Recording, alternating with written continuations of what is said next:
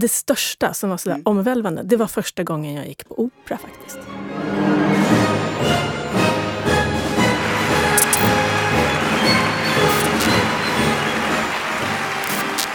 Till och med om han sög på tummen kanske, så som barn kan göra om de är väldigt intresserade eller lite engagerade.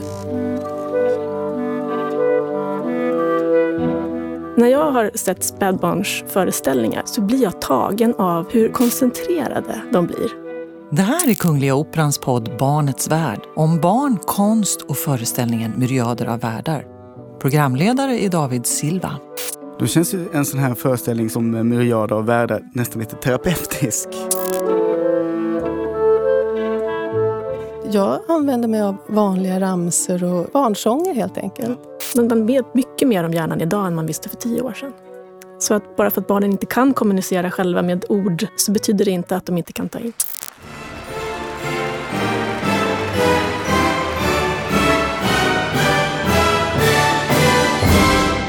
Hej och välkommen till Kungliga Operans podd som den här gången riktar in sig på våra allra minsta och yngsta besökare, nämligen bebisar. Det låter kanske lite knasigt, men det är faktiskt så att Unga på Operan nu presenterar en föreställning som är helt inriktad på just bebisar. Titeln är Myriader av världar.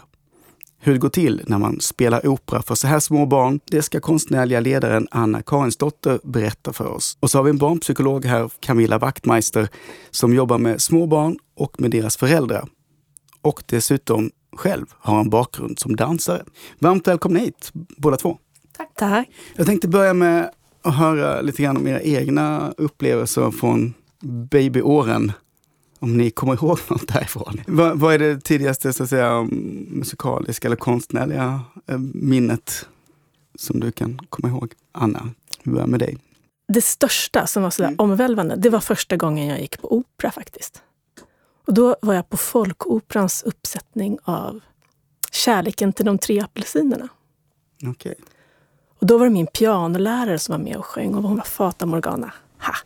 Och tro det eller ej, men första operan som jag fick vara med och göra en beställning på som konstnärlig chef, då blev det Kärleken till de tre apelsinerna. Okay. Fast för två till femåringar. Och då var den, vi kallar den för titufierad, för att vi jobbade ihop med Dockteatern Titut. Så då var det dockspelare och operasångare och en mimare. Mm. Och så gjorde vi då en variant av den här operan med helt ny musik, men med känsla av Prokofjev och den tidens tonsättare. Och så gjorde vi en läsning av den som passar den här åldersgruppen.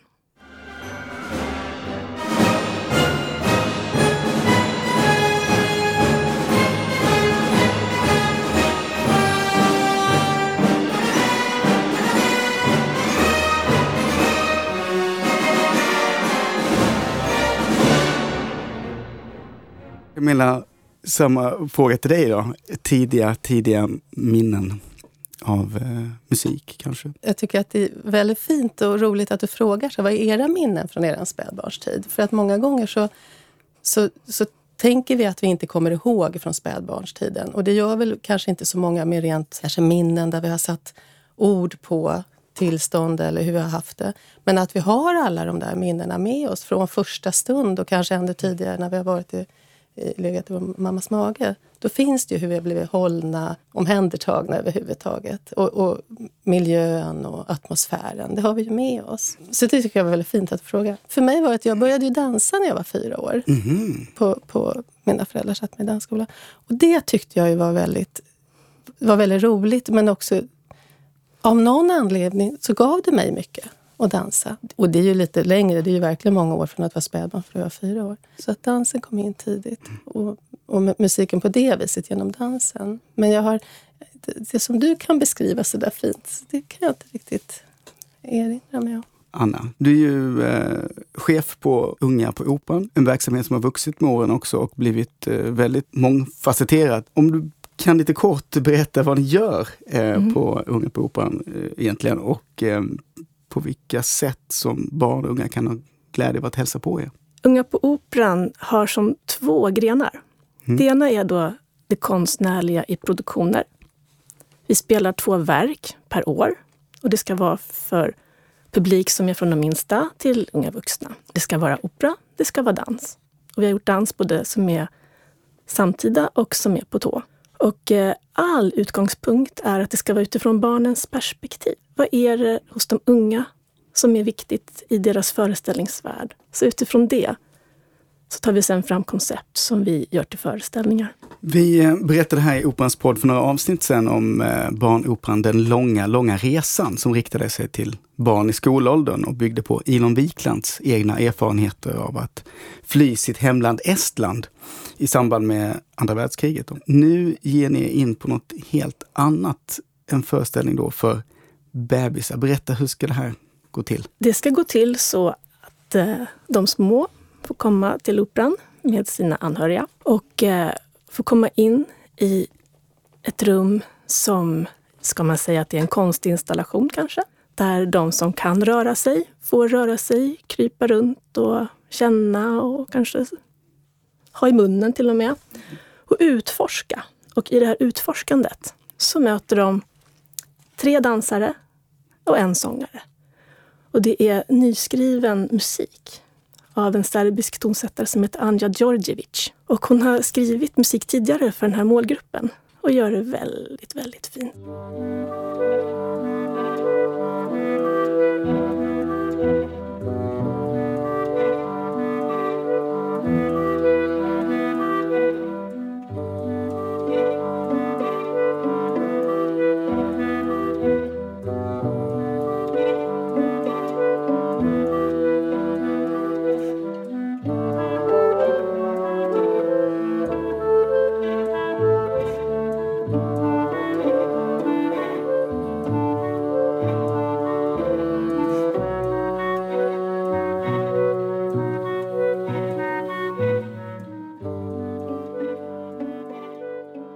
Du skulle beskriva ordet installation Ja. lite grann, vad, Ja. vad är, är det? Liksom?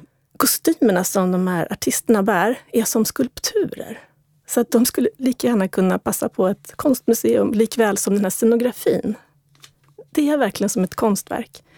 Fast det kommer till liv genom föreställningen och genom interaktionen mellan de små och de här artisterna. Så att det är inte så att spädbarnen sitter som publik, utan de är högst delaktiga i det här konstverket. Så det blir ett konstverk i och med att publiken är på plats och artisterna interagerar med publiken.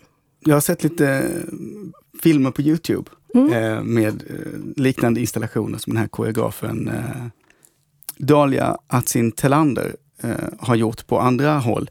Där man ser hur barnen liksom kryper runt i någon slags tältliknande grej.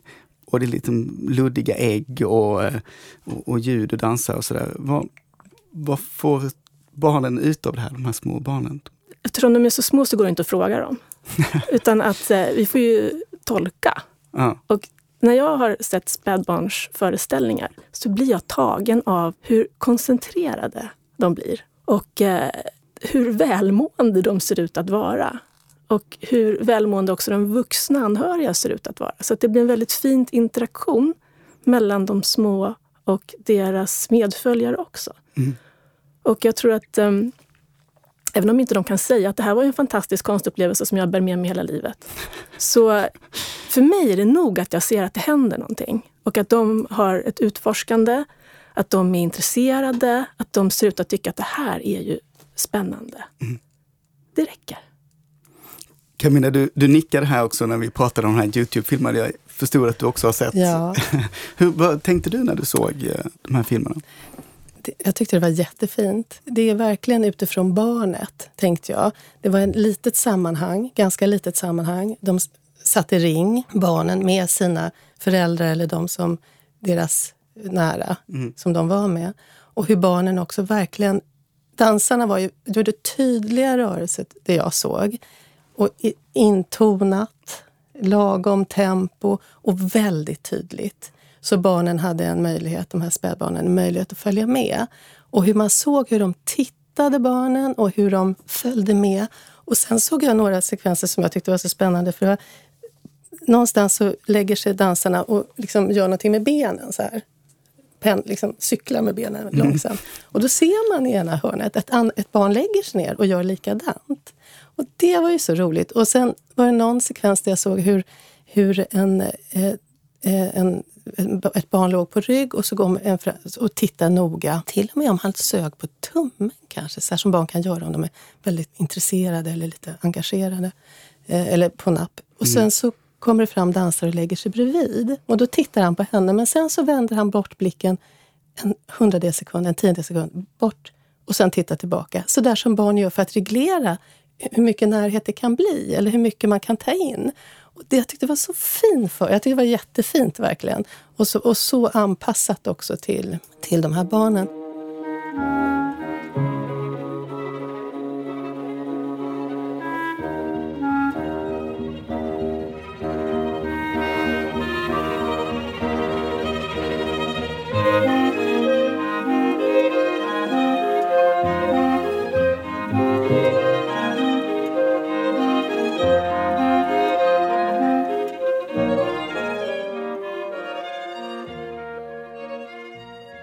Kanske blir svårt med liksom en handling sådär i en, den här typen av föreställning snedstreck installation.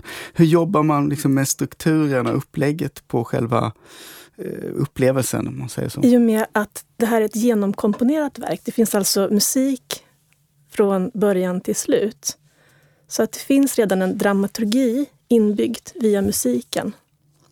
Och där det som ett nytt element som Dali inte jobbat med tidigare, det är ju att det är en sångerska med en klassisk skolad sångerska.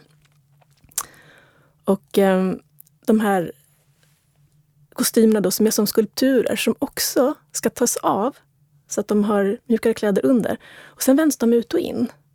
Och Då blir de mm. som stora tecken som barnen också får krypa in i. Och det, det, tanken är det, det ska vara som korallrev. Och i de här korallerna så finns det saker man kan fiska upp. Så utforskandet fortsätter där. Så det finns en, en dramaturgi med sekvenser och som, som då kommer att följa musikens dramaturgi som redan är lagd. Men sen så kommer det vara vad som händer i interaktionen med barnen där och då. Så alla föreställningar kommer att bli olika. Camilla, du jobbar ganska mycket med rörelse och eh, dans och barn eh, samtidigt. Hur, hur gör ni det? Alltså jag, jag, tänker, jag jobbar inte... Alltså jag jobbar ju psykologiskt och psykoterapeutiskt med barn och då, då blir det en del av med spädbarn. Mm. Då blir det alltså rörelser, eh, musik, alltså sång och musik och ramsor blir en del i, i den behandlingen. Om man tar generellt så är ju så att det är ju ett uttryck, dans och musik och, och sång är ju någonting som eh, barn kan ta till sig tillsammans med en vuxen också. Eh, så att, eh, ja, vi jobbar det som att främja, främja relationen mellan mm. föräldrar och barn. Som ett sätt att få kontakt ett sätt att närma sig varandra om man har det svårt tillsammans. Eh, vilken typ av problem är det som föräldrar kommer till er med? Och på vilket sätt får de hjälp? Det kan ju vara så eh, om man är, när ett föräldrapar får sitt barn och det blir en, en väldigt svår kris under den nyföddhetsperioden eller även under när, när, någon, när modern har väntat mm. barnet. Så, så kan det också vara väldigt, väldigt svårt att ta emot barnet. Att det är mycket ångest från föräldrarnas sida kanske med, med depressioner och svåra psykologiska eller psykiatriska tillstånd. Och då är det också förstås jättesvårt att ta emot ett barn och kunna finnas där för barnet. Och då behöver eh, den här familjen eller den här mamman och barnet eller pappan och barnet hjälp tillsammans mm. för att kunna, kunna hitta varandra, kunna lära känna varandra under trygga former och kunna hitta varandra så att barnet ja, en bärande anknytning kan komma till stånd. Och det kan, det kan eh, eh, spädbarnsfamiljer få hjälp med. Och, det, och då får man lägga upp en behandling som handlar om att med olika, både förstås samtal och med föräldrar kring hur den här tiden känns och hur det är. Och, eh, men också eh, samspelsbehandling med barn och föräldrar. Leka tillsammans, sjunga, ramsa och just under trygga former. Vilken typ av eh, alltså, rörelser och sådär som man, som man kan använda sig av? Eller vad, liksom, på vilket sätt använder ni rörelser? I? Alltså jag, tänker, jag, jag använder mig av vanliga ramser och sånt där. Vårans barnsånger helt enkelt. Ja. Och det behöver egentligen, det kan vara det kan vara egentligen någon, någon sång eller ramsa som, som känns bekväm också för de som är inblandade förstås. Men, men sång, sjunga och ramsa och leka tillsammans och följa barnet och bli intresserad av barnet. Vad är det som ditt barn vill nu? Och Kan du våga titta på ditt barn? Kan du våga vara med ditt barn? Då känns ju en sån här föreställning som, som myriader av världar nästan lite terapeutisk. liksom en terapeutisk upplevelse även om man så att säga inte har det jobbigt. Liksom, nej. Utan... Och jag tänker att den stora skillnaden är att, den in, att det inte är terapi. Så, att det är ett helt annat kontext. Mm. Det är en föreställning. Och sen, sen, nu tänker jag så här att det är klart att det kan ha också terapeutiska man säga, erfarenheter för mm. de som är med. Och, men det kan väl all konst egentligen. Precis. Sådär att man, man läser, man ser en pjäs och så är man i något tillstånd och så tänker man, så blir man som speglad i det och tänker man, mm. ah, så händer det något inom en. Det känns lite lättare plötsligt, det där som var så tungt alldeles nyss. Mm. Så, men jag tror den stora skillnaden är att när man kommer till en psykolog med sitt spädbarn och sig själv och sin familj, då är man i behandling. Mm. Men här, går man på teater, då går man på teater. Sen har ju vi plockat, eftersom vi vet att barnen tycker om ramsor mm. och repetitiva. Så att det finns ju som element i vårt verk också. Ja, fint. Även om det inte är terapi vi gör, vi gör en föreställning eller en konstinstallation, en konstupplevelse. Så eftersom vi vet att det funkar. Mm, mm, Men är det viktigt, skulle du säga, mm. överhuvudtaget för barn och eh, alltså småbarn att, att liksom, eh, uppleva ja, men dans och musik och lek på det här sättet? Barn behöver ju, jag tänker litteratur och konst mm. och musik för att kunna tänker jag på många sätt känna igen sig i olika känslor och tankar. Hur det är att vara människa, en människa bland människor. Ganska lätt börja, läser vi för barnen efter, fort, alltså när de är väldigt små. Och det känns väldigt naturligt med såna böcker som är anpassade. Sen musik verkar också som att vi verkligen tar med från början när, vi, när föräldrar får ett barn. Det här att man sjunger och ramsar, det kommer mm. ganska, om man har med sig det själv från egen barndom. Eh, och, och sen att gå på, på föreställning och titta på, på dans är ju också någonting som främjar, tänker jag, barnets utveckling och relationen till föräldrarna. Jag tänker här så här att vi, vi läser för barn, vi sjunger för barn. Eh, vi borde dansa mer med barn. Många gånger tänker jag att man i alla fall står med ett spädbarn i famnen, att mm. man, liksom, man rör sig mm, i takt, man vaggar mm. och man vyssar. Mm. Även om det inte blir, liksom, det är också en definitionsfråga vad är dans, men, men ändå man dansar och, och rör sig för att barnet verkar bli, bli lugnad när vi, man håller ett barn som är upp, upprört. Mm. Att rytmen i sig lugnar. Eh, men eh, sen tänker jag att det är väl kulturellt också. Ska man titta runt i världen så kanske det dansas mycket mer med, med spädbarn och småbarn mm. än man gör, gör i Sverige. Jag vet inte. Mm. Um, men jag tänkte, Anna Karinsdotter, du, ni jobbar ju mycket utifrån den senaste forskningsrönen i den här föreställningen.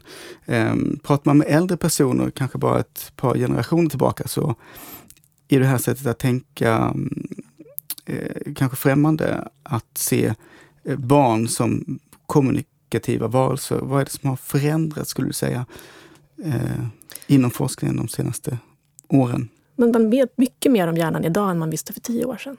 Så att bara för att barnen inte kan kommunicera själva med ord så betyder det inte att de inte kan ta in. Men jag tänker att eh, också att forskningen kring spädbarn, som du är inne på, Anna, har ju, har ju hänt så mycket i vår förståelse av spädbarnen. Och att man gått från att man har tänkt att barn förstår väl inte så mycket och långt tillbaka, det var ju liksom som att de var nästan inte mäns, alltså på 1500-talet, alltså de var nästan inte människor. för de var så små och kunde ju ingenting. Men idag när man pratar om det kompetenta spädbarnet, mm. att barnet kan mycket redan från början. De är jätteintresserade av kontakt för 50-60 år sedan, eller 70, då tänkte man att de var inne i sin, sin, sig själv och hade ingen möjlighet att ta kontakt utåt. Vi vet att de från första stund och även i magen, att de först, känner igen syskons röster, mammas röst och sådär. Och, när, och direkt när barn kommer ut så är de intresserade av, av, av kontakt. Och titta, använder ju blicken, blicken och rörelse. Eh, så, så att på det viset har vi jättemycket mer kunskap och, av barnets förmåga. Sen förstås är det ju alltid så att barnet är ju väldigt ömtåligt för att det är så beroende. Det är helt beroende av oss vuxna. Ett spädbarn kan inte liksom ta sig någonstans eller kan inte säga det här var inte, det här var inte bra, nu mår inte jag bra, nu är jag ledsen, nu känner jag mig nedstämd. Utan där måste vi vuxna se och försöka tolka och förstå. Och det svåraste är ju nästan när man inte förstår men ändå tar hand om och, och tar emot känslan och tar emot bebisen fastän jag inte vet vad det handlar om. Mm. Men jag finns här ändå för dig. Att förmedla det till ett spädbarn. Vad, vad har du själv tagit med dig från dina år som dansare och danspedagog eh, in i ditt eget arbete med, med småbarn? Det är klart intresset för barn. Mm. Eh, dels intresse för barn. Eh, men också mycket, tänker jag, att när man jobbar med så små barn som jag gör så handlar det mycket om att, med rytm, faktiskt att tona in att, att um, ja, rytm och rörelse, det som vi pratade om tidigare, men också att, uh, att förstå barn på ett icke-verbalt sätt. Så förstå, för barn uttrycker sig med, inte med språket. Och dansen är också icke-verbal. Så på det viset så är det ju, finns det en stark länk. Men jag tänker på det här nya sättet då att, att se på små barn som eh, kanske slå igenom efterhand på något sätt. Just det här att man tänker att det här är människor som upplever saker, de, allting liksom går in och de vill kommunicera. Så här. Hur tror ni det kommer påverka mm, den kultur och, och konst som görs för barn? Att det blir mer konst för de små. Att det är en upplevelse som är viktig för dem, även om de inte kan tala om det. Även om de inte kan minnas det när man är vuxen. Att det blir ett intryck som betyder någonting. Jag tycker att, att respekten för barnens rätt till konst blir allt större. Och det är jag väldigt tacksam över och glad att vi på Unga på Operan kan vara med och bidra till utbudet.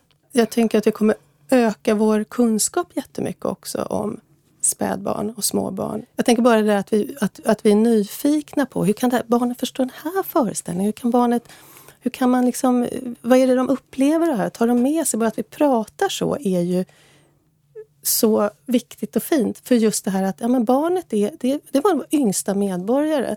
De har rätt till precis allt annat som vi har rätt till. Men med ännu lite mer egentligen för att de är också så skyddslösa. Mm. Vad, vad, tror du um, det kan bli för reaktioner då hos ett, uh, hos ett barn på ett operabesök som det som Anna nu håller på att fixa? Jag, jag tänker så att går man med, tillsammans med de man är trygg med och man är i ett tryggt sammanhang och så får man ta del av en, en, olika uttryck som man kanske tidigare inte har kommit i kontakt med. Så kan man ta in det som en ny erfarenhet. Man får en ny erfarenhet av nu, nu, tänker vi inte, jag tänker inte att barn tänker så, men ändå, Nej. oj, nu, så där kan man röra sig. Den där färgen kan komma och den där stora bollen kommer. Att man, det blir en, en, ny erfarenhet som barnet inte skulle få på något annat sätt, kanske. Och att man tar med sig det också som en del tillsammans med, om man går med sin mamma och pappa eller med familj. Men, men jag, som ni hör, jag betonar ju att det är ju också tillsammans med en, en, en annan vuxen, en som man är trygg med, som det också blir meningsbärande. Ja, så, så är det ju för oss vuxna också. Mm. Det blir en helt annan grej om man går själv eller om man går med någon som man sen kan dela det med. Ja, tänker jag. Så ja. det där fortsätter mm, mm, ja. upp i vuxen ålder. Mm. Man ser ju idag eh, mycket föräldrar som sätter eh, en iPhone eller en iPad i händerna på sina små barn. Eh, kanske till och med väldigt små barn. Vad är skillnaden, skulle du säga, Anna, för ett så litet barn mellan att titta på en rörlig bild eh, och att krypa runt i en tredimensionell struktur omgiven av dansare, musik och sångare. Det är ja. att faktiskt röra sig i den här miljön, att få känna, kanske får slicka, får göra det man har lust med. Så, se vad händer när jag trycker där och vad, om jag drar upp någonting här. Att interagera med en levande människa. Och vad jag har förstått så är det så också att när man är i en situation med andra människor, då börjar också hjärnvågorna att svänga tillsammans. Så att det händer någonting rent fysiskt i kroppen av en sån här live-upplevelse. Och mm. en, en skärm kan ju aldrig ersätta ett, ett verkligt möte. Vad som händer, man ser en skiftning i ett ansikte eller i en blick. Mm. Så att um, man kan göra fantastiska saker säkert på en iPad. Men det kommer aldrig kunna ta ut det här levande ögonblicket i ett, ett möte. Och konstupplevelsen live kommer aldrig kunna ersättas av en iPad eller en digital upplevelse. Det finns jättemycket att utforska där som är superspännande. Men det här som är i nuet mellan människor, det, det är unikt. Vad säger du Camilla? Det som jag tänker på, som också forskningen visar mycket nu, det här att små barn är, är ju, behöver leka med små kompisar, alltså spädbarn. Eh, de har ett utforskande system där man, mm. där man vill också utforska. Och jag tänker här med, för då är det också att man tillsammans med andra barn, jag sa tidigare, att det här med, med sina föräldrar, men det är också andra små barn som är så här, också små människor som verkar göra ungefär på samma sätt som jag. Att det är väldigt viktigt för små barn. Och det sker ju också i ett, i ett sånt här sammanhang för att det är en så pass liten, alla fall det jag såg där, så pass litet sammanhang så att barnen kan ju titta på någon annan och kanske krypa fram och känna på den kompisen och sen bara, ja men just ska vi titta på den. Alltså, så det blir också väldigt viktigt, tänker jag, att det är i, i grupp. För vi vet också att vi, det är livsviktigt för oss människor att vara i grupp och det är livsviktigt för spädbarn att få komma in, att höra till en grupp. När vi är inne nu på det eh, som du säger, att det är eh, ett lite mindre sammanhang så här. Hur många är det egentligen i publiken på föreställningen Myriader av värde till exempel? Här? 15 barn. 15 barn? Mm. Ja, och 15 medföljare. Och sen finns det några platser varje föreställning om man är vuxen och inte har barn. Så att vi, det är jätteviktigt att behålla det här intima den där tryggheten är grunden.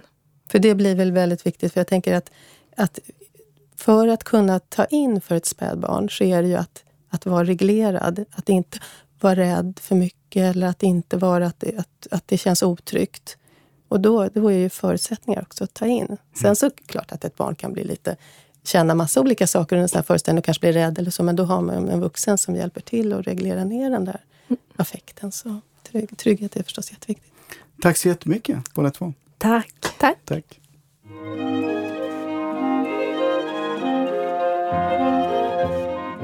Du har lyssnat till Kungliga Operans podd Barnets värld med programledaren David Silva, konstnärliga ledaren för Unga på Operan Anna-Karin Stotter och eh, barnpsykologen tillika danspedagogen Camilla Wachtmeister.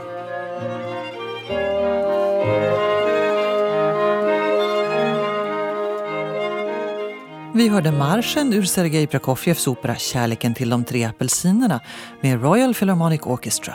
Och så musik ur den nya barnföreställningen Myriader av världar av Anja Djordjevic med medlemmar ur Kungliga hovkapellet. Jag som är producent heter Sofia Nyblom. Operans podd görs hos produktionsbolaget Munk.